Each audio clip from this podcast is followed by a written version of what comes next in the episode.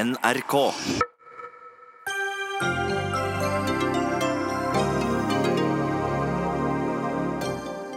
Har vi først skapt et samfunn med infertilitetsproblemer, ja, så må vi ta ansvar og tillate eggdonasjon, mener lege. Nei, staten skal ikke inn og bryte genetiske familiebånd, svarer Høyre-politiker Stefan Heggelund.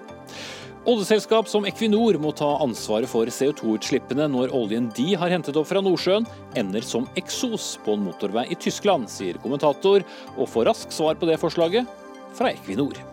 Splid på venstresiden etter at den islamkritiske grupperingen Stopp islamiseringen av Norge skal ha arrangement i en av hovedstadens tetteste innvandringsbydeler. Og Fotballforbundet bør politianmelde grove voldssaker, sier jurist og fotballspiller. Og nei, idretten den har en egen selvdømmeordning, svarer generalsekretæren i forbundet.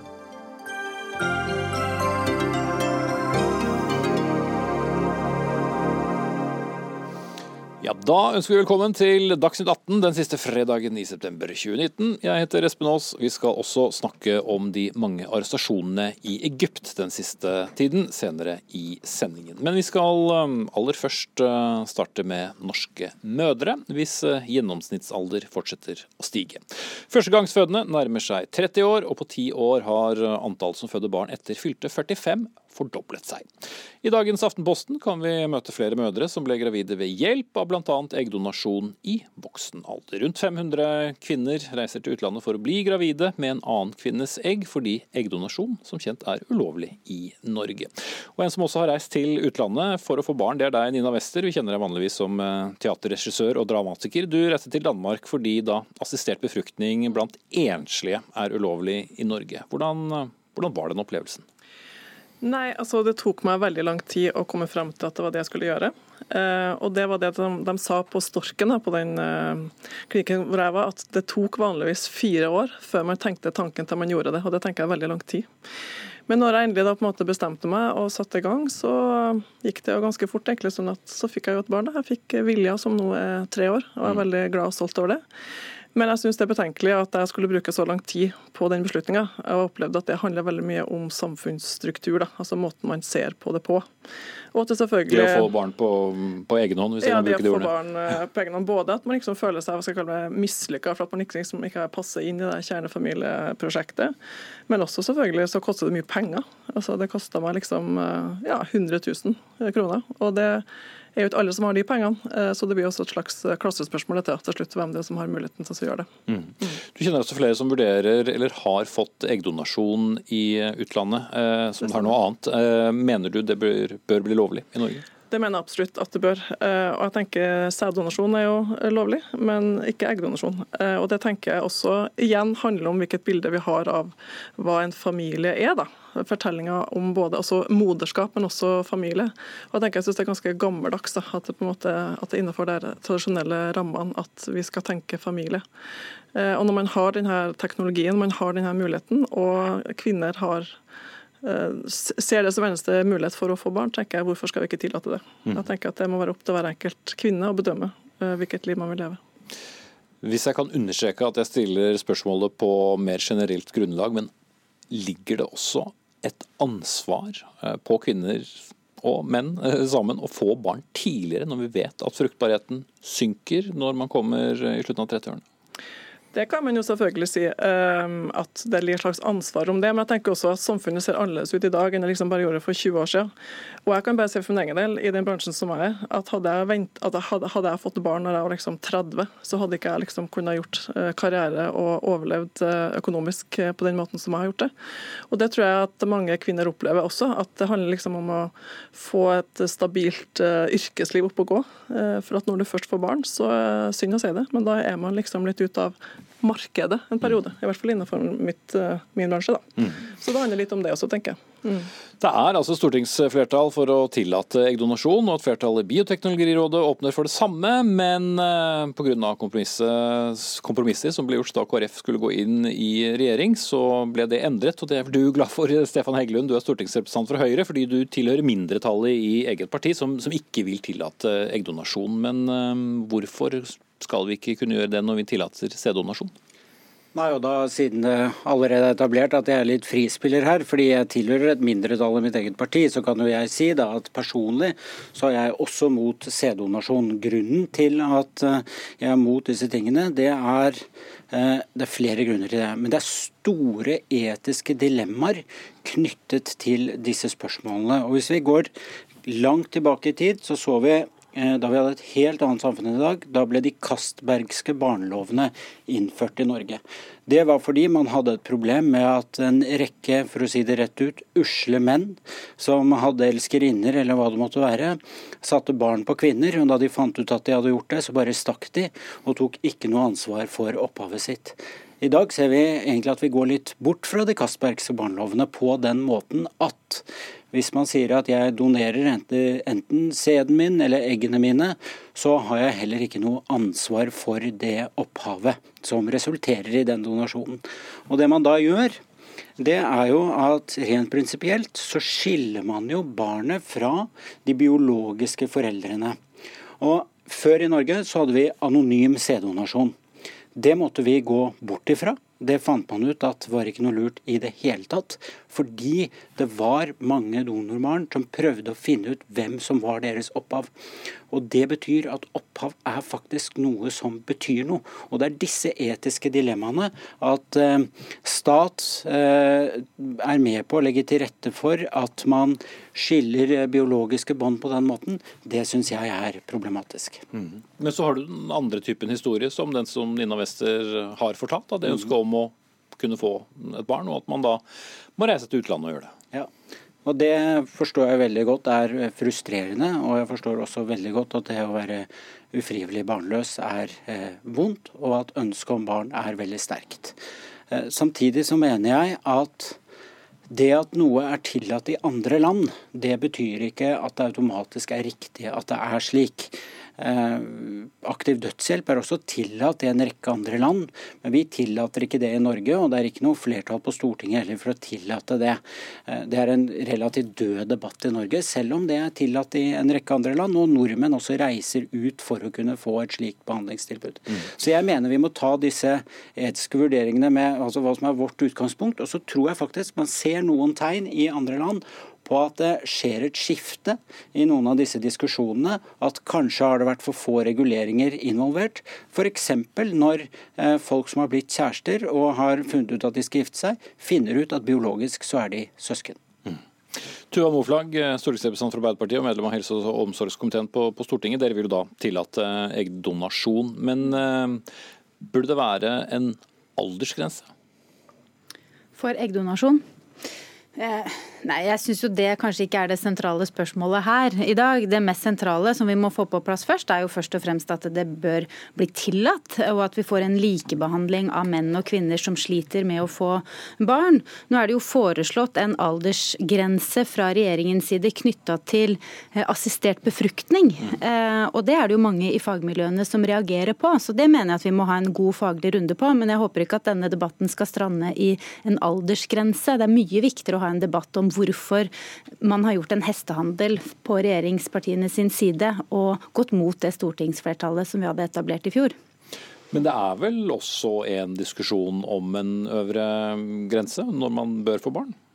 Det er helt riktig. og det, det, er jo helt eh, Fra naturens side så kommer man jo i overgangsalderen.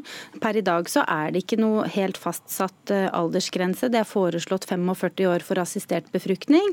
I landene rundt oss så behandler man dette litt mer glidende og individuelt i samtale med kvinnene. og Det syns jeg høres fornuftig ut. Ser du vil slippe til eh, Stefan Heggelund, men jeg skal ta inn uh, sistemann her, nemlig Jon Hausken. Da må dere ta på dere hodetelefonen som ligger eh, rundt bordet her. Jon Hausken, du er da fertilitetslege og driver Norges største klinikk for assistert befruktning. Og bare for å få et lite bilde av virkeligheten sånn som den er i dag. Når, når er det for alvor kvinner trenger hjelp til å bli gravid? Ja, altså Det er jo en glidende overgang. fordi at Vi må huske på at vi alle er individuelle. Men hvis vi ser en normalfordelt kurve, og det kan vi lage på eh, alle egenskaper, så er det slik at eh, ved fylte 41 år så er det slutt for kvinner å få barn. Eh, det betyr gjennomsnitt, så det vil jo alltid være noen som kan klare det i høyere alder. Men husk på at ved alder 45 så er det kun 2-3% av fødte kvinner eller fødte jenter som kan føde barn. Og det handler om at antall egg og antall normale egg reduseres hele tiden. Og vi vet at eh, den subfertile perioden, altså hvor det begynner å bli vanskeligere, starter allerede tidlig i 30-årsalderen med en reduksjon på 10% hvert eneste år. Og da vet vi at hvis vi følger en gruppe mennesker og vi ser de an noen år fremover i 30-årene, så vet vi at det blir flere og flere som vil ha færre og færre normale egg, og dermed så blir det et infertilitetsproblem.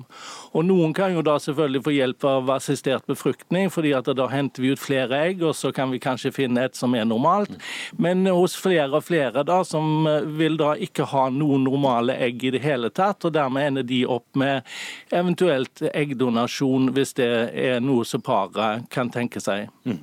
Eh, du mener også at Norge bør tillate eggdonasjon, men da, hva da med de eh, etiske betenkelighetene som folk som eh, Stefan Heggelund har? Ja, Etikk og moral det endrer seg jo ut ifra det samfunnssynet og det vi skaper. og Vi har skapt et moderne samfunn som har lagd et infertilitetssamfunn, og det må vi ta ansvar for. Hvordan har vi laget det? Og Det er også slik at Eh, mange i det moderne samfunnet lever singelliv, og det er òg en, eh, om ikke ønsket utvikling, så er det noe vi har skapt. Og da må disse kvinnene få lov til å kunne bruke sæddonasjon, altså single kvinner. Sånn at vi må skape et forhold, eller legge til rette for at vi kan hjelpe disse kvinnene. som Det er mitt syn på det. Mm. Ja, uh, Stefan Heggelund, altså De aller fleste ønsker jo å få barn på den vanlige måten. Det er ikke sånn at man begynner i den enden. Dette dette er jo da eh, det siste forsøket. Er, det så galt å, å hjelpe dem? Nei, men altså Poenget er følgende. Altså, hva, eh, det staten går inn og gjør, er at man sier at biologiske bånd er underordnet, og så skiller man det. Eh, og så kommer vi jo inn på en rekke andre dilemmaer da, når vi diskuterer dette. Det ene er aldersgrense. Skal det være aldersgrense, ja eller nei? Det andre er jo at eh, hvis man ønsker dette, så er det jo veldig strenge regler. Mange steder så må man ha politiattest før man kan få dette osv.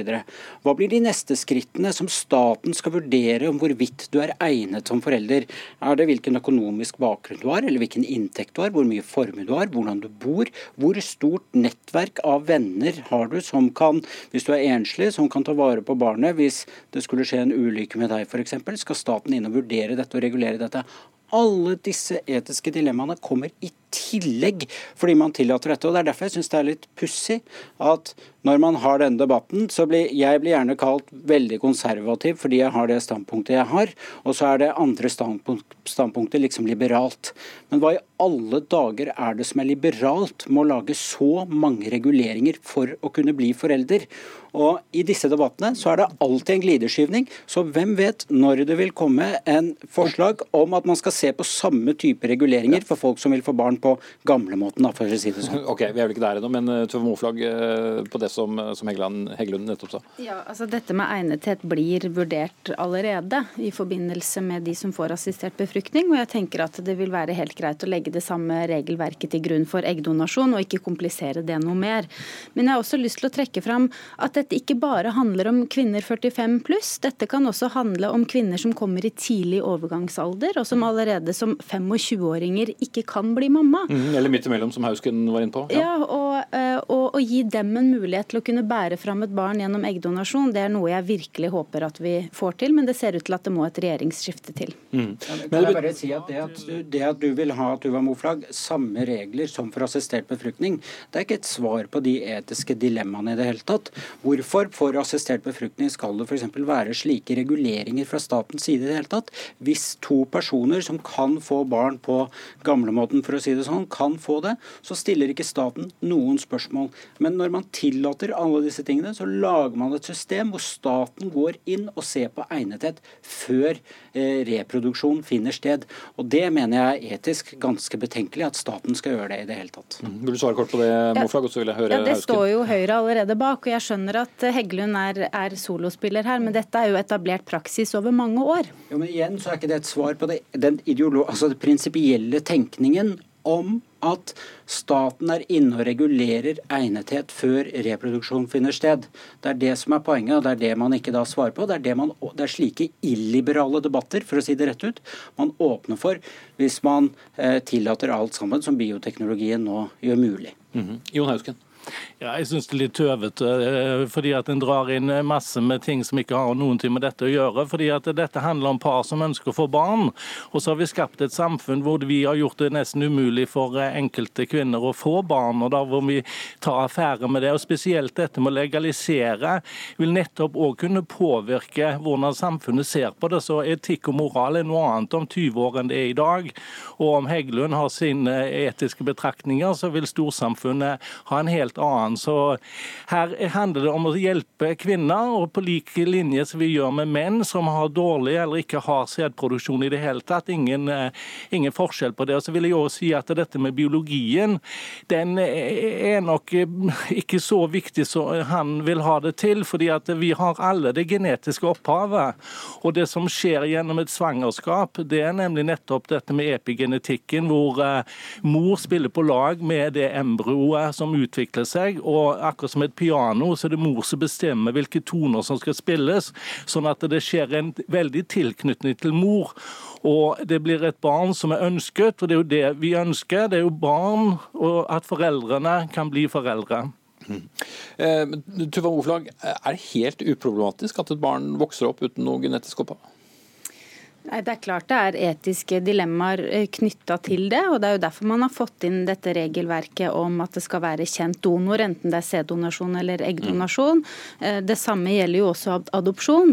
Men nettopp adopsjon kan jo også være en god parallell å trekke. Og se at det er mange som lever gode, rike liv også i adopterte familier. sånn at det er jo også gode erfaringer å trekke. Men det er ikke bare bare å adoptere et barn heller, uten at vi skal gå inn i hele den problematikken? det er? Det er altfor vanskelig, så der har vi også en jobb å gjøre politisk. Mm. Nina West, du skal få slippe til Heggelund, siden du er uh, alene mot, mot C3 her. Men, men, Nina Wester har tålmodig reist uh, pekefinger her. Nei, Jeg bare tenker på det som du snakker om angående opphav. da. Jeg tenker liksom at altså Adopsjon, fosterforeldre osv. var på en måte forskjellen. Og jeg tenker at Hvis man drar den tanken lenger, på en måte, så liksom sier man jo da at en familie skal være mamma, pappa, barn. Og Det tenker jeg er et veldig umoderne standpunkt i forhold til det samfunnet vi har i dag. Og der tenker jeg liksom at der ligger på en måte Den moderne verden ligger på en måte foran samfunnsstrukturene. Og de samfunnsstrukturene er jo på en måte dere som er politikere med å sette en uh, ramme for. Og det tenker jeg dere har et ansvar for å la dem få litt, uh, litt slakkere linjer. For det jeg tenker også med egnethet Eh, staten skal ikke legge seg opp i hvorvidt kvinner og menn er egnet til å være foreldre. Det gjør man ikke i noe som helst eh, andre ting utenom når man mister retten. Og det tenker jeg liksom er synes man skal stole på at folk sjøl får tatt de uh, beslutningene sjøl. Mm. Den ensomme Hanne her skal få runde dette av. Jo, men En del av de prinsipielle avveiningene du snakker om der, er jeg faktisk helt enig i. F.eks. når det gjelder adopsjon. Det er jeg veldig for. Den Forskjellen mellom det vi snakker om her og adopsjon, er jo at da hjelper man et eksisterende menneske forsøksvis inn i en bedre livssituasjon. Men siden i de andre tilfellene, når det gjelder bioteknologi, så avtaler man på forhånd eh, liksom, eh, om en som eh, om en far da, for eksempel, som donerer skjed, skal slippe å ta ansvar for opphavet sitt i det hele tatt. Så Det er den prinsipielle forskjellen på de to tingene. Men når det gjelder det du sier om egnethet, jeg er jo helt enig. Jeg vil jo ikke at staten skal inn og vurdere egnethet før, før liksom det er et problem. Men det er jo derfor det er jo slike illiberale debatter man åpner for når man eh, tillater alt som bioteknologien gjør mulig. Og bare glideskyvningen her, det neste steget, er jo surrogati. Fordi at Hvis vi tillater både assistert befruktning til enslige og eggdonasjon, så er det bare altså én gruppe som ikke kan få egne barn. Og Det er enten homofile menn i et parforhold eller enslige menn. Og Da må man også tillate surrogati, som det også er store etiske problemer med. Så jeg godtar alle mulige familieformer. Jeg er selv skilsmissebarn og øh, har fått bonusforeldre og bonussøsken som jeg er veldig takknemlig for. Men at det er noen dilemmaer med det, og at f.eks. et sår etter å være skilsmissebarn ikke er der, det stemmer jo ikke, så vi må kunne snakke om disse dilemmaene. Ja, og det har vi gjort nå i Dagsnytt 18. Takk skal dere ha alle fire. Nina Wester, som har fortalt om hvordan det er å få barn på egen hånd. Tuva Moflag, stortingsrepresentant fra Arbeiderpartiet. Stefan eh, Heggelund, som tilhører mindretallet i Høyre, for å undersøke det en gang til på dine vegne, og også stortingsrepresentant. Og takk til Jon Hausken, fertilitetslege, som var med oss på linje. Dagsnytt 18 alle hverdager klokka 18.00 på NRK P2 og NRK2.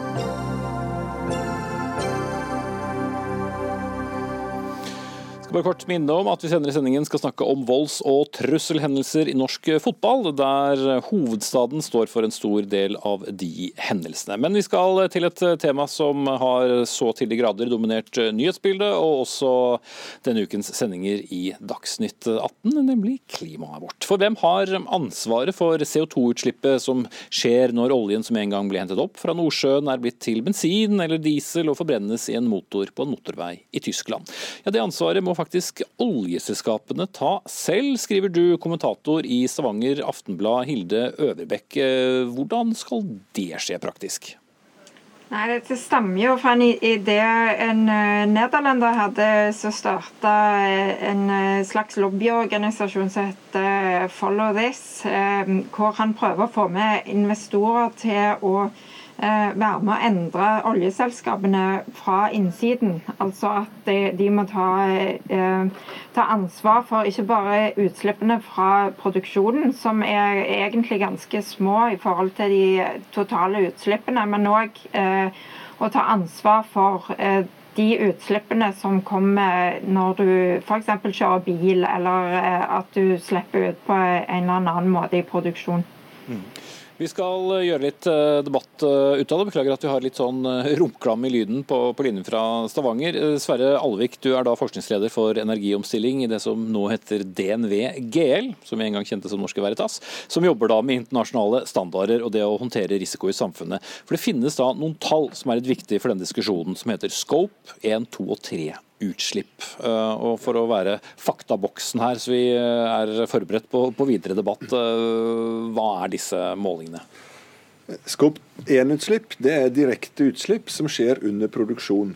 Skop 2 er leverandørkjeden, f.eks. den strømmen som vil bli brukt under produksjon. Men skop 3 er utslipp fra bruken av den, de produktene som et selskap lager. Mm. Og For et olje- og gasselskap så vil skop 3 være det som skjer når oljen og gassen brukes, altså når vi kjører bil, flyr eller skrur på gassgrillen. Mm. Det er rett og slett siste instans eh, når vi, når vi bruker opp uh, gassen eller oljen. Ja. ja. Uh, og disse tallene, sier du, er, disse Scope 3-tallene da, er, er, veldig viktige. Hvorfor det? De er viktige fordi at i, for et olje- og gasselskap så skjer nesten alle utslippene under bruken av produktene. Bare rundt 10% kommer under det å få oljen opp fra bakken og ut til forbrukeren, mens 90% kommer eh, når produktene brukes i, i, din og min bil eller fly, eller hva det måtte være. Mm. Så det er jo egentlig ikke da oljeselskapene som direkte står for den største mengden utslipp, den skjer hos uh, siste forbruker. Det er riktig. Mm. Men disse uh, tallene er da også tall som er, er viktige for uh, selskapene, men er også kontroversielle tall. Hvordan da? Ja, Det er litt kontroversielt, fordi at hvem, hvem er det som eier utslippet? er det er det den som har produsert bilen? Er det den som har produsert oljen? Eller er det deg og meg som kjører bilen? Eh, dette er ikke rett fram, og, og det finnes ikke et enkelt svar på det. og Derfor er det kontroversielt. Mm. Hildre Øvrebekk, tilbake til deg, en stadig kommentator i Stavanger Aftenblad. Hva mener du er årsaken til at f.eks. nå Shell har satt seg konkrete mål for å senke CO2-utslipp fra, fra oljen som da brukes av oss forbrukere? Det er jo, eh, først så var jo Shell motstander av dette, de òg. Eh, men, men, det som eh, Mark van Baal og eh, Follow This gjør, de går rundt i oljeselskapene. Nå har de vært hos Shell og de har vært hos BP og Equinor nå i mai og fremmer forslag om å innføre dette. Eh, og så samler de støtte fra aksjonærene. Eh, de får folk til å kjøpe seg inn i oljeselskapene, sånn at de kan være med å påvirke. Og de fikk såpass stor støtte eh, i Shell fra aksjonærene at selskapet selv så at det var et tydelig tegn eh, fra investorene om at de ønsker å gå i denne retningen. Så Derfor snudde Shell til slutt i 2017. Mm. Og Dette har du da også skrevet om i, i din avis i dag. Eh, Bjørn Otto Sverdrup, du er da bærekraftsdirektør i Equinor tidligere Statoil, hvis vi skal nevne det enda en gang. Hva, hva slags Scope 3-tall uh, hadde Equinor for fjoråret? Vi rapporterer de, det er 314. Millioner tonn med CO2. Ja. Og, disse Scope 1 og 2 som vi snakket om uh, tidligere, altså det Cirka, som dere står for? Ca. 15 millioner tonn. Ja. Så veldig mye mindre. Uh, men... ja, og Det sier jo egentlig bare at vi er en stor produsent av olje og gass. Mm. Men kan dere som det store selskapet dere er, ha konkrete utslippsmål, eller gjøre noe for å senke dette da scope 3-utslippet? Ja, altså, vi har satt oss veldig ambisiøse mål på klima, som dreier seg om alt fra å kutte utslipp til å vokse fornybarvirksomheten vår, og på karbonfangst og hydrogen og disse tingene. Men så langt har vi ikke sagt, satt noe mål på scope 3. Og det er litt på grunn av det samme som han fra DNV GL her sa at uh, vi har et type ansvar, annet ansvar til våre egne utslipp. De kan vi påvirke. Uh, vi kan ikke påvirke så mye hvorvidt du kjører bil hit eller sykler eller den type ting. Og så er det litt uklart, fordi at Scope 3-utslipp blir telt flere ganger. Sånn at når vi har 300 som utslipp, og så har Volkswagen ca. 224 som sine utslipp, og de telles som det samme. Mm. Så, så totalen de, blir ikke å legge sammen Nei, det går ikke an å gjøre. Men når det er sagt, så er det nyttig, for det illustrerer det samlede fotavtrykket vi bidrar til. Og vi òg sier at yes, vi har en rolle i å bidra til å hjelpe til å dekarbonisere samfunnet. da. Og da har vi valgt å sette mål på hvor, hva vi kan bidra med der. Mm. Men som Øvrebekk skriver om i avisen i dag, vil det kan det være en idé? Og så er jo en ansvarliggjøring av det, da? Ja, det er klart. Vi ser jo frem oss, Det er jo et felt som er i utvikling. Og vi jobber jo med å se hvordan kan vi best bidra. Så langt så har vi vært fokusert på de tingene som er litt nærere i tid, som er håndfast og håndgripelig. Nå har vi kommet veldig langt i å kutte de egne utslipp. Altså disse skåp 1-utslippene kommer veldig langt i det. Og da er det naturlig at vi ser litt lenger frem nå. Og det er en veldig viktig bidrag til det å få det samla avtrykket ned, er jo egentlig det er to hovedveier der. Det ene er å vokse fornybarvirksomheten vår. Og det andre er å jobbe med å drive innovasjon og teknologi til å få store sektorer til å rett og slett bruke mindre olje og gass. Mm. Som høres paradoksalt ut når du driver med det du driver med. Ja, ja. Så det, det, er egentlig å få skipsfart over til en renere forbruksmønster. Det er luftfart, og det er industrien. Mm. Og de jobber vi jo med. Jeg kan gi noen eksempler på det etter hvert. Men uh, Øverbekk, er det ikke da et poeng at det burde egentlig være de som uh, konstruerer motoren, motorene, eller de som, som, bruker alt det som Equinor pumper opp, som har et større ansvar for å begrense utslippene? Nei, Litt av poenget med dette er jo ikke bare at uh, oljeselskapene skal ta ansvar for alle utslippene, men det, jo, det legger jo et press på oljeselskapene om å omstille seg mye raskere og finne fornybare prosjekter mye raskere enn det som er planen i dag. For de ambisjonene som Equinor har, er veldig langt fram i tid, og de er ikke så veldig store hvis du skal legge lønnsomhet til grunn. Eh, så, så Litt av poenget med å presse oljeselskapene i denne retningen, er for at de skal ta ansvar selv for å bruke den kompetansen som er inni selskapet til å omstille seg. Ellers så, altså, nå, nå er jeg ikke sikker på om jeg er enig med det, men, men uh, han Mark van Ball han mener jo det at uh, oljeselskapene vil til slutt gå konkurs dersom de ikke omstiller seg. Mm. Sverdrup? Uh, nei, Det er egentlig en utfordring vi har tatt også, med en mye større investorkoalisjon i vår, der vi lager en fellesuttalelse. Se hvordan at vi, De utfordrer oss til å si kan dere beskrive litt tydeligere hvordan dere skal over tid bidra til dekarbonisering. Og Det er vi jo godt i gang med. Så, så bare si Den tar jo ikke inn over seg Scope 3. Så det, det, presset du legger, ekstra presset, så er mange av aksjonærene og de store eh, pensjonsselskapene som eh, gjør store investeringer i olje og gass, de mener jo at dette er veien å gå. Ikke det å sette sånn overordna mål for produksjon, men, men å sette, legge press på hele industrien for at den skal endre seg. Ja, og Det var jo de største investorene som vi gjorde en avtale og en fellesuttalelse sammen med. Og Det var også om, om de, de samla utslippene. Mm. Så, sånn at Det skjer egentlig veldig mye på dette området. Og jeg tror det som Nå har vi akkurat vært på det klimatoppmøtet i New York. Vi, Equinor var invitert der. Det som er det store fokuset, er jo egentlig å se hvordan kan man skape samarbeid innovasjon og teknologiutvikling, også ikke minst på forretningsmodeller, for hvordan du kan få frem løsninger på klimaproblemet. Fordi at vi må ha nye løsninger frem.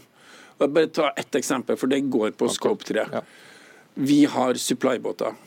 Vi har satt ut kontrakter og sagt vi vil gjerne ha supply-båter på batteriteknologi, hybride løsninger. For de vil da gå inn i Scope 3? Da bidrar det til redusert utslipp. Og så har vi i tillegg investert i batteriproduksjon i Norge. Og nå ser vi at veldig mange norske batteriprodusenter for maritim industri etablerer seg i Norge. Så kan vi både skape arbeidsplasser i Norge og bidra til dekarbonisering. Veldig interessante løsninger. Mm. Men fortsatt vil skoptretallene være skyhøye, selv om du uh, setter batteri på supply-båtene? Ja, Det henger veldig nært sammen med hvor mye vi produserer olje og gass. Mm. Ørbekk, kort til slutt.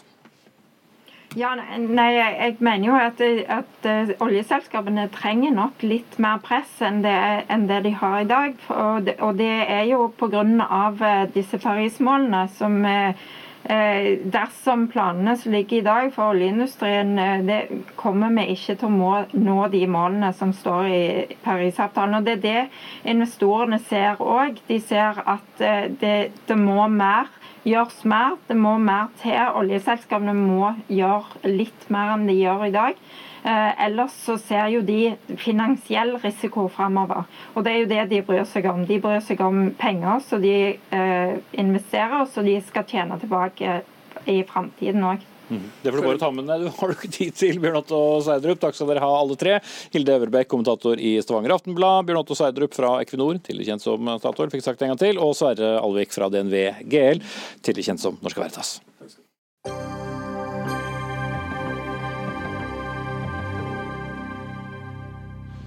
Til eh, store protester og også varslede motdemonstrasjoner har den islamkritiske grupperingen Stopp islamiseringen av Norge, eller Sian om du vil, varslet at de skal ha et arrangement på et torg i en av hovedstaden, og for så vidt landets mest innvandringstette bydeler. Eh, og det er på Tøyen torg for de som måtte være lokalkjent i Oslo. I forkant eh, har det vært flere forsøk på å sette en stopper for arrangementet. Både hovedstadens ordfører, Marianne Borgen fra SV, og bydelspolitikere har ikke bare én gang, men to ganger vedtatt å nekte Sian å stå på torget. Begge gangene har de fått tommel ned fra kommuneadvokaten med begrunnelsen om at en slik nekt den er i strid med Grunnloven. Og Bydelsutvalgsleder i Gamle Oslo, som er riktig bydel da, Line Oma, du var med på å fremme det første forslaget om å nekte Sian å markere seg, men så har du snudd. Hvorfor? Nei, For det første så var jo eh, mangfoldet så viktig i vår bydel at vi reagerte veldig sterkt på at Sian ville være på Tøyen torg. Eh, men så fikk vi jo beskjed om at dette her strider mot Grunnloven, og det har jeg tatt til etterretning, selv om jeg fortsatt ikke ønsker at Sian skal være på Tøyen torg. Men det at vi forsøker å forby igjen, det skaper jo en konflikt som gir Sian mer oppmerksomhet, og akkurat den oppmerksomheten de vil ha. Og jeg mener at de fortjener ikke den oppmerksomheten. Og når målet vårt er at Sian ikke skal få arenaer til å spre tankesettet sitt, så mener jeg at det beste virkemidlet hadde vært om vi hadde støtta opp om ytringsfriheten og latt Sian få lov å stå alene på Tøyen torg i morgen. Få lov å snakke ute i lufta og få dratt slukøra hjem fra Tøyen. Og så kunne vi hatt tidenes folkefest der vi markerte meningsmotstand, og der vi feira mangfoldet etterpå deres markering. Og eh, det mener jeg at det hadde vist styrken i vårt fellesskap og mangfoldet på Tøyen. Men leder av Rødt i Oslo, bystyrerepresentant også, Siavash Mobasheri, hvis jeg sa det riktig nå. Dere vil, du er ikke enig med, med Arbeiderpartiet her, du vil bare ha det stoppet? Mm. Altså, Vi vil ikke at Sian skal få mulighet til å spre hat, rasisme og frykt blant Tøyens befolkning og andre flerkulturelle steder i Oslo. Eh, fordi Det disse organisasjonene står for, eller det Sian står for, det er ikke religionskritikk. Eh, og Det handler ikke om ytringsfrihet, det handler rett og slett om åpen rasisme. Eh, og, og det er et angrep på demokratiet og ytringsfriheten.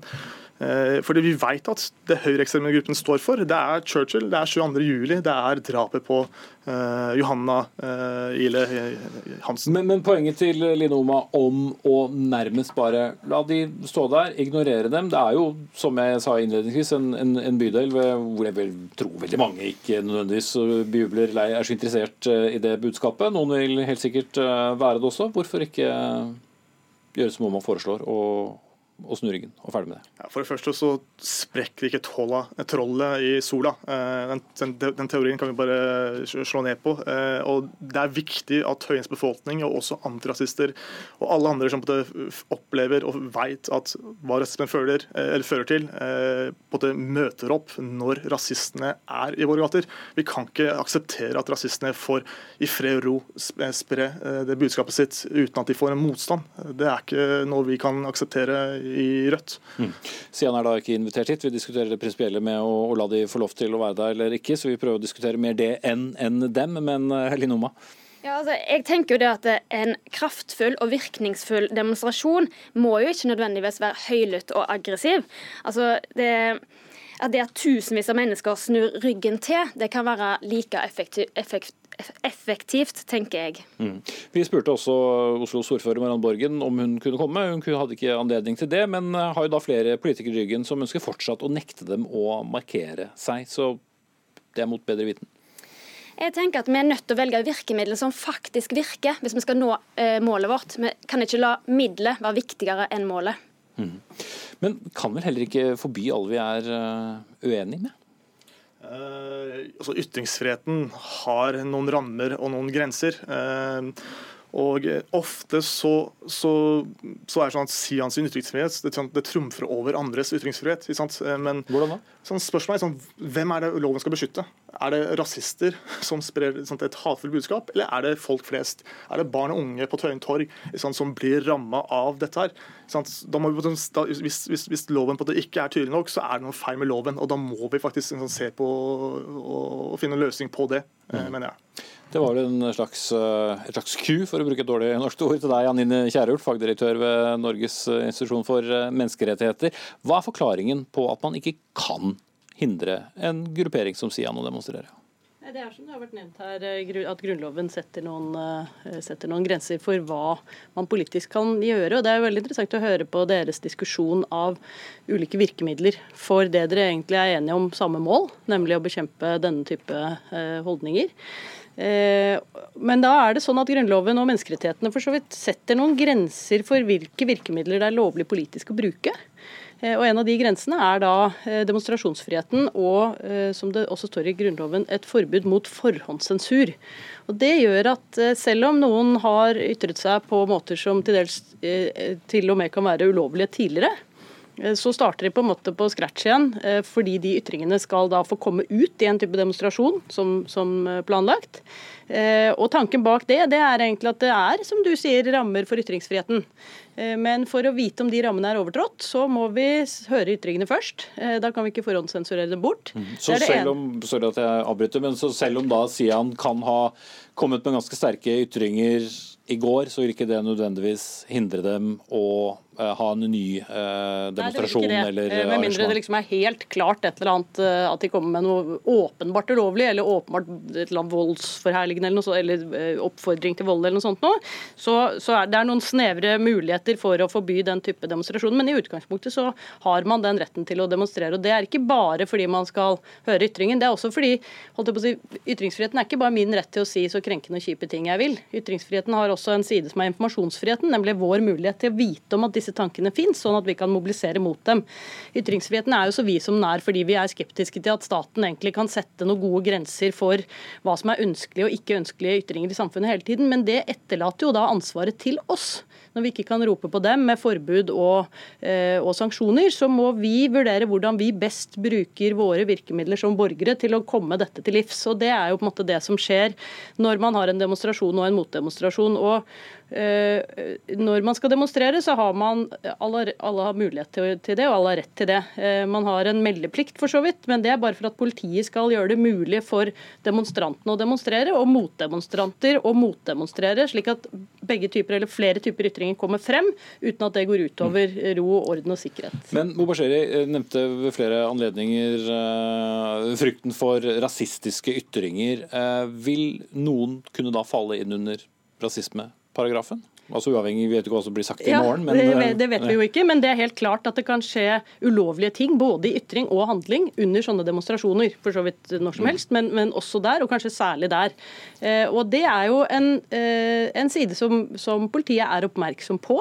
Eh, det kan være vanskelige grensedragninger, men de vil jo være der og, og, på en måte sikre bevis for det som mm. eventuelt kommer frem. Og det er først hvis det er ytret at de kan uh, i så fall gripe inn. Ja. ja.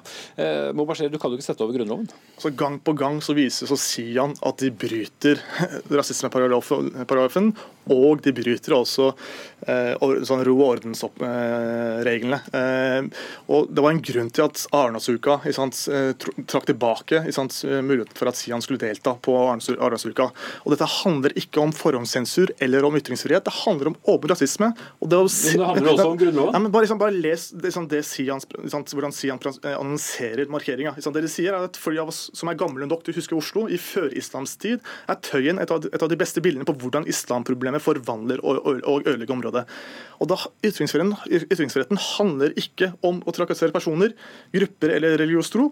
Dette er noe helt annet enn å uttale seg kritisk til religion, eh, til politiske, politiske beslutninger og styresett. Eh, og Straffelovens paragraf 185 det forbyr hatefulle ytringer å sette grenser for ytringsfriheten. Det må, fortsatt finnes sted før noen kan gjøre noe med det. Men, men Linoma, da er din strategi at eh, ok, da får de komme og, og hevde at uh, Tøyen eller Oslo eller hva som helst uh, nå ikke er som den burde være, og så må du og dine vise det motsatte.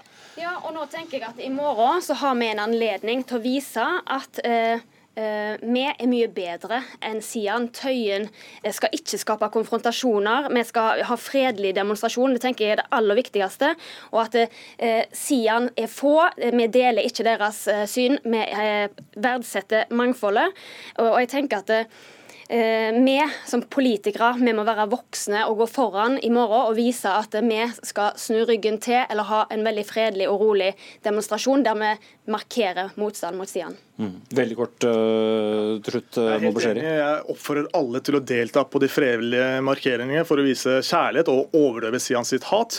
Og så mener jeg at det, Dette handler ikke om å være bedre enn Sian. Uh, det handler om at, at det Sian står for, er en voldelig ideologi som bare vil gjøre samfunnet vårt til et dårligere og kaldere samfunn. Mm. Og så kommer de til å si noe helt annet i morgen, det vet vi. Eh, takk skal dere ha alle tre. Eh, Siavash Mobasheri fra Rødt i Oslo, Line Oma, bydelsutvalgsleder for Arbeiderpartiet i Gamle Oslo, og Anine Kierulf, fagdirektør ved Norges institusjon for menneskerettigheter. Hør Dagsnytt 18 når du vil. Radio NRK Radio.nrk.no.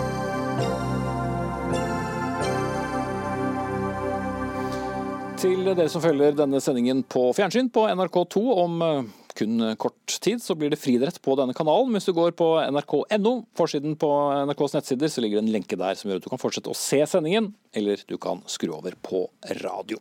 Men nå skal vi snakke, til, snakke om snarere vold på norske fotballbaner. For eh, Oslo er den fotballkretsen med desidert flest alvorlige volds- og trusselhendelser. Lag fra hovedstaden står for 39 totalt av 103 volds- og trusselhendelser som har ført til dom i Norges Fotballforbund siden 2020. 2010. Likevel har ikke Norges Fotballforbund politianmeldt noen av de mange sakene som forbundet har hatt til behandling, har vi kunnet lese i VG. Og Hans Fredrik Martinussen, du er professor i juss ved Universitetet i Bergen, og selv en aktiv fotballspiller i en årrekke. Dette er en praksis som du reagerer på? Altså, jeg syns at når det forekommer så grove tilfeller som de VG har dokumentert de siste dagene, så eh, tenker jeg for alle oss som spiller fotball Jeg var i en ganske amper kamp senest for en ukes tid siden. Eh, for at det skal sendes klare og tydelige signaler til de spillerne der at det er viktig å besinne seg, eh, og at voldsutøvelse får konsekvenser for livet ditt, ikke bare for hobbyen din eller for noen karrieren som fotballspiller, eh, så er det viktig at NFF tar tak og, og sender sånne saker videre til politiet. Mm, de skal straks svare på det, men Leif Welhaven, du er sportskommentator i VG. Det er dere som har skrevet om det.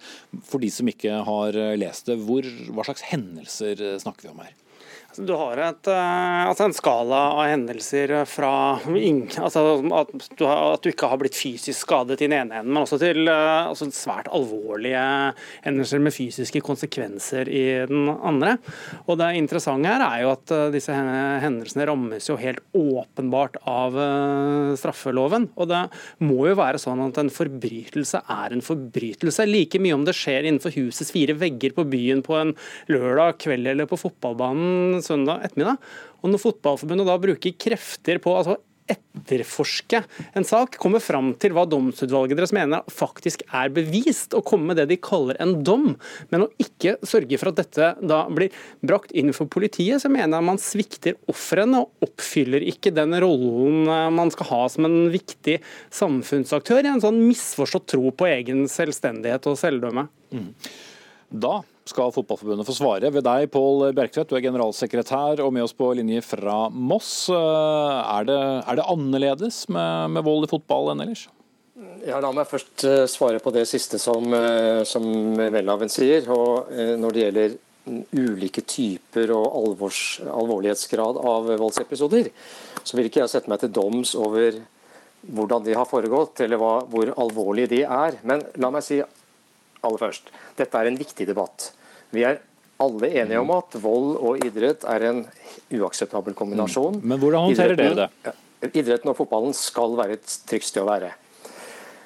Og så må jeg også si, Når vi først snakker om eh, Oslo fotballkrets, og at det har skjedd mye der i løpet av eh, de åtte-ni siste årene I løpet av ett år så registrerer vi ca. tre til fire alvorlige episoder i Oslo-fotballen. Ja, Det er greit, men nå må du svare på det, det, det som er utfordringen. Jeg kommer til svaret. Det er innenfor ja, rundt 30 000 fotballkamper. Det er ikke mye, men det er for mange.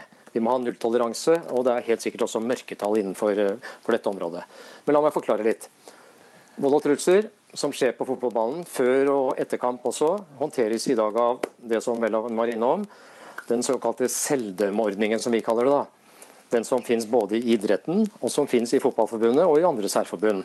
Med andre ord, vi har et domsutvalg som er oppnevnt og, og valgt av forbundstinget eller generalforsamlingen vår, som eh, følger bestemte lover og regler når de skal avgjøre eller vurdere de sakene de får på sitt bord. Sånn har det vært i mange år. Så kan det selvsagt diskuteres om straffene er for milde. Ja, det er vel det vi prøver jeg, å diskutere her. Men, men, jeg tror nok at utestengelse i et år eller et halvt år eller tre måneder, avhengig av alvorlighetsgrad, også oppleves som ganske strengt blant de som deltar i aktiviteten. Nå skal jeg ikke være for bastant på det. Mm. Men hvis du bryter med ren straffelov? Ja, så, må jeg, så må jeg også legge til at Det kan hende at vår ordning ikke fungerer godt nok. At det kanskje er grunnlag nå for å gå inn og se på detaljene og se på nivåene på straffer osv. Og, så og faktisk også om det er grunnlag for anmeldelse i enkelte saker. Mm. Nå er det jo sånn, og det er jo det som er hele poenget med ordningen, at vi skal ordne opp selv på kammerset, så å si, med sanksjoner som forhåpentlig rammer sånn at vi både kan, eh, kan uh, si at straffen er, no straffen er, god nok, men også at det har en, uh, en forebyggende effekt. Mm. Eh, bare ta inn Martinussen før Welhaven skal få ord igjen. Har du noen som helst sans for denne formen for, for CUSIS? Altså, den typen straff kan jo hvis man er veldig opptatt av fotball, kanskje være vel så hard som å, som å få en bot eller uh, noe annet? Ja, for noen så kan det kanskje det. Eh, jeg er positiv til at man har et sanksjonssystem i idretten, og at eh, det får konsekvenser også der. Men så alvorlige handlinger som dette, de bør være politisaker. Og det kan være belastende for et offer i en sånn fotballsammenheng som blir utsatt for dette, å gå til sak eh, eller å ta kontakt med politiet selv. Og, og NFF sitter på veldig mye informasjon, de sitter på vitner. Eh, veldig mye dokumentasjon som de enkelt kan gi til politiet, som gjør at eh, slike saker eh, kommer dit de skal komme, som er i straffesystemet. Ja, Welhaven, Du har også skrevet om, om de store mørketallene. Er det et enda verre bilde enn det vi har sett så langt? Ja, hvis vi bare tar et eksempel, da, så er det altså nesten 2700 flere lag i Trøndelag enn det er i Vestfold. Mens altså, det er elleve ganger så mange innrapporterte tilfeller i Vestfold som i Trøndelag. Problemet her overordnet er jo at idretten lever ikke i et vakuum eller under en stein. altså De er en del av samfunnet som sådan, og da er sånn har vi alltid gjort det. Et fullstendig uholdbart argument. Det vi snakker om her er at man aktivt sørger for å avdekke forhold som er brudd på samfunnets felles regler. og Da er det altså politiet som selvfølgelig må få informasjon om dette. Jeg har ennå til gode å høre et eneste argument for hvorfor Norges Fotballforbund skal la være å bringe disse, sake, altså disse sakene videre.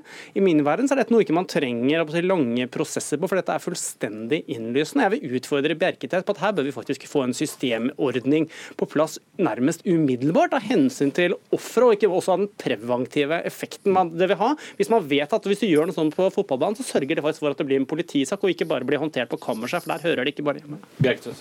Men, men et spørsmål da, Welhaven. Mener du da at alle saker som kommer til behandling i domsutvalget automatisk skal uh, politianmeldes? Altså det som jo er uh, Poenget her er at det er saker altså dette, dette, dreier, dette, dreier, seg altså om saker hvor en etter, det dere kaller en etterforskning i 78 tilfeller har medført at man mener at det, har, at det har dreid seg om vold. De sakene bør i hvert fall åpenbart være, være noe for politiet. Skal vi gjerne diskutere altså, hvor terskelen bør ligge. og Jeg mener ikke at det er noe galt i at man for altså, sanksjonerer med utestengelse osv. Men i hvert mm. fall der det er altså, for forskjellige grunner til mistanke om at dette er brudd på på straffeloven. og Der har vi jo bestemmelser fra kroppskrenkelser eh, og oppover som hvor det faktisk finnes strafferettslige sanksjoner. Så mener jeg at altså, hvis det er grunn til å tro at storsamfunnet vil altså, reagere strafferettslig på dette, så er det ingen grunn til at dok altså, dokumentasjonen som innhentes av Fotballforbundets side, kun skal holdes på egne hender. For Der vil jeg bare ha et forsøksvis klart svar fra deg og direkte Pål Bjerktvedt. Hva er forskjellen på om jeg hadde ja, slått ned Leif Welhaven på fotballbanen, enn om jeg hadde gjort det ute på byen? Nei, altså, det er jo, Dere har helt rett eller Welhaven har helt rett i det. altså hvis, eh, hvis, voldsepisoden er alvorlig nok, og det er en, en, episode som samfunnet for øvrig ville reagert på i en annen situasjon, så bør den politianmeldes. Det er jeg helt enig i. Det er mer spørsmål om hvem som skal gjøre det, og hvem som gjør vurderingene. Men hvis dere tar den opp i eget forbund, så er det kanskje ikke så lett for noen å skulle gjøre det i tillegg, hvis man avventer en behandling hos Nei, altså, Fotballforbundet? I dag så er det jo sånn at i domsutvalgets mandat eller oppgave eh, rundt den type, denne type spørsmål og saker, ikke er, et, er en eh, oppgave å politianmelde. Det ligger ikke i deres mandat, kort og godt. På samme måte som eh, f.eks. med selvdømmeordningen i pressen, da, for å ta et eksempel, PFU-ordningen. Og Skal vi gi et utvidet mandat til, denne, til, den, til domsutvalget, så må, er det noe forbundsstyret og forbundstinget eller generalforsamlingen må diskutere. Men det er for så vidt detaljer. Ja. Men jeg, jeg, også ser at det er på sin plass å vurdere om vi skal ha et sterkere fokus på strengere straffer både i vår egen ordning, eller om anmeldelse når det oppstår episoder som i samfunnet for øvrig ville ført en anmeldelse. Både når det gjelder om vi skal, når vi skal og hvordan. Og om den anmeldelsen skal komme direkte fra forbundsstyret eller ikke. Jeg er veldig i tvil om det er riktig. Men, Høre juristens uh, vurdering av det, Martinussen? Vi skal huske på at eh, Når man spiller, fotball, spiller, fotball, så er det en god del man anses å gi samtykke til som normalt ville vært straffbart. Altså En stygg sklitakling på en fotballbane er på en måte innenfor det som ikke ville gått på byen, eh, men som mm. går på en fotballbane. Og Det skal ikke være sånn, tror jeg, at NFF skal sitte og sende stygge sklitaklinger til politiet. Eh, det skjønner vi alle. Men, men jeg tenker at jeg tror ikke at det er et reelt problem her. det er vel ikke det de, som omtales som vold heller, nødvendigvis? De, de grove sakene folk blir slått ned på fotball fotballbanen de, de, skaper ikke så veldig mye grenseproblematikk, mener jeg. Nei, Det er vi helt enige om. Det er ikke de sakene vi snakker om, eller de episodene vi snakker om. Mm. Eh, Leif Ella, hvor stort er problemet, og hvorfor er det så stort i Oslo? Altså, dette henger eh, helt sikkert eh, altså, sammen med at fotballen speiler uh, samfunnet for øvrig. Og dette henger altså, helt sikkert også da, sammen med andre utfordringer uh, i uh, samfunnet. Og fordrer kanskje et bedre samarbeid mellom idrettsbevegelsen, skole, helse, helse, hva du mente. er det befolkningssammensetningen du peker på? Altså, det er nok noen storbyutfordringer i, altså, i, i, Oslo som gjør at det kanskje er over, overreppe stumerer hendelser av denne karak altså karakter her. Og så tror, så tror vel jeg at man kanskje bør også innad i fotballen altså snakke også om de eh, kanskje mer krevende sidene ved dette. Og én av sidene er f.eks. Altså, kanskje også da få inn flere forbilder fra personer med en annen etnisk bakgrunn, i den grad det måtte være relevant for deler av problemstillingen. Mm. Men først og fremst så ønsker du i hvert fall at uh, Fotballforbundet skal ta mer tak i de voldshendelsene som er der. Jeg må sette strek. Takk skal dere ha, Leif Elhaven, sportskommentator i VG, Pål Bjerktvedt, generalsekretær i Norges Fotballforbund, og Hans Fredrik Martinussen, jurist med fra Bergen. Música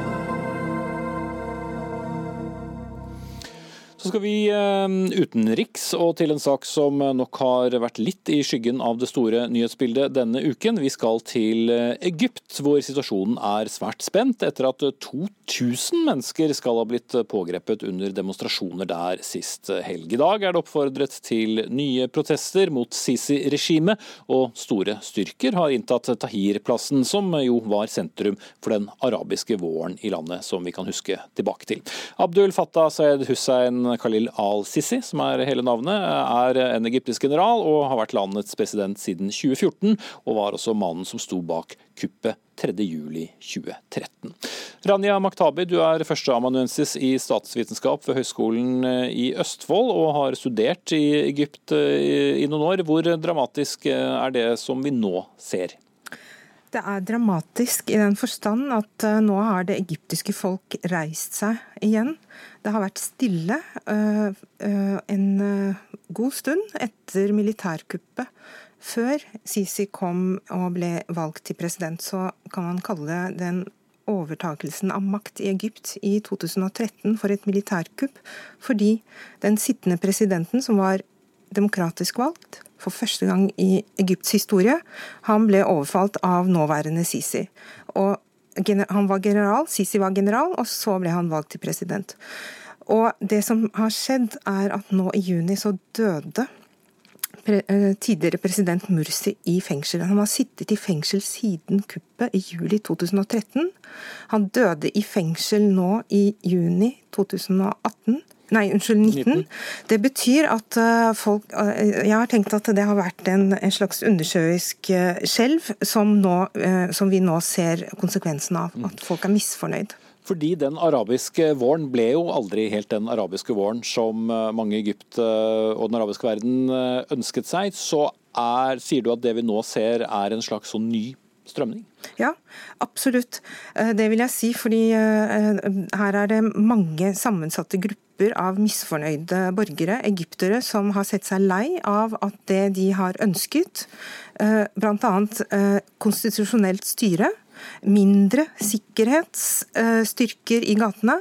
Det de har fått er mer politi, mer det vi eh, forskere kaller for deep state, altså dyp stat med militarisert tilstedeværelse av politifolk i sentrum og i alle store byer i Egypt.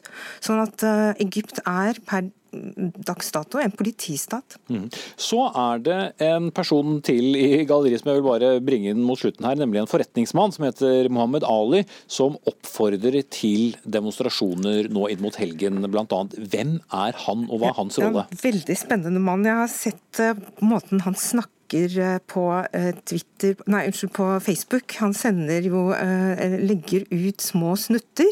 Han, er, han har også erfaring til å være skuespiller, men han er, han er ikke noe sånn fakter med standup. Men han forteller hvordan det var å jobbe med militærstyret.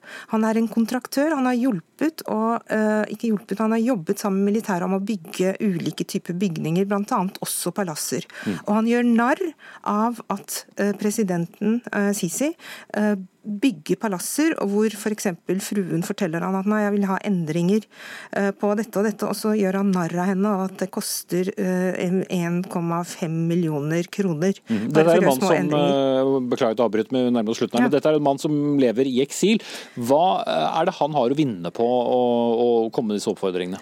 Han har egget opp eh, unge. Han kritiserer det sittende. Han vil at oppfordrer unge om å avskaffe, regime, uh, avskaffe, den sittende presidenten. Så nå går unge i gatene og sier at nå må Sisi gå av, og, og krever at, han, at hans avgang. Mm. Men Hva har han å vinne på dette? Hvorfor uh, er han så? Han uh, er lei av korrupsjon. Han sier at uh, han har jobbet på innsiden, og det er derfor han har fått såpass mye tilbake altså Han har fått mye oppfølgere. Han, han, forteller at han har jobbet i, i, i, maktens kilder, altså i militæret, sammen med militæret og bygget opp. Han, han, avslører korrupsjon, at det går masse penger til de rike. Mm. Og vi har stor grad av fattigdom i Egypt. Blant annet så kom det en ja, det er, Den får du dessverre ikke tid til å nevne. Takk skal du ha, Rania Maktabi. Jeg må slukke lysene i Dagsnytt 18 før helgen. Ansvarlig for sendingen var eh, Dag Dørum. Lisbeth Sellereite tok seg av det tekniske. Jeg heter eh, Espen Aas, og om bare et par-tre døgn så er vi tilbake igjen.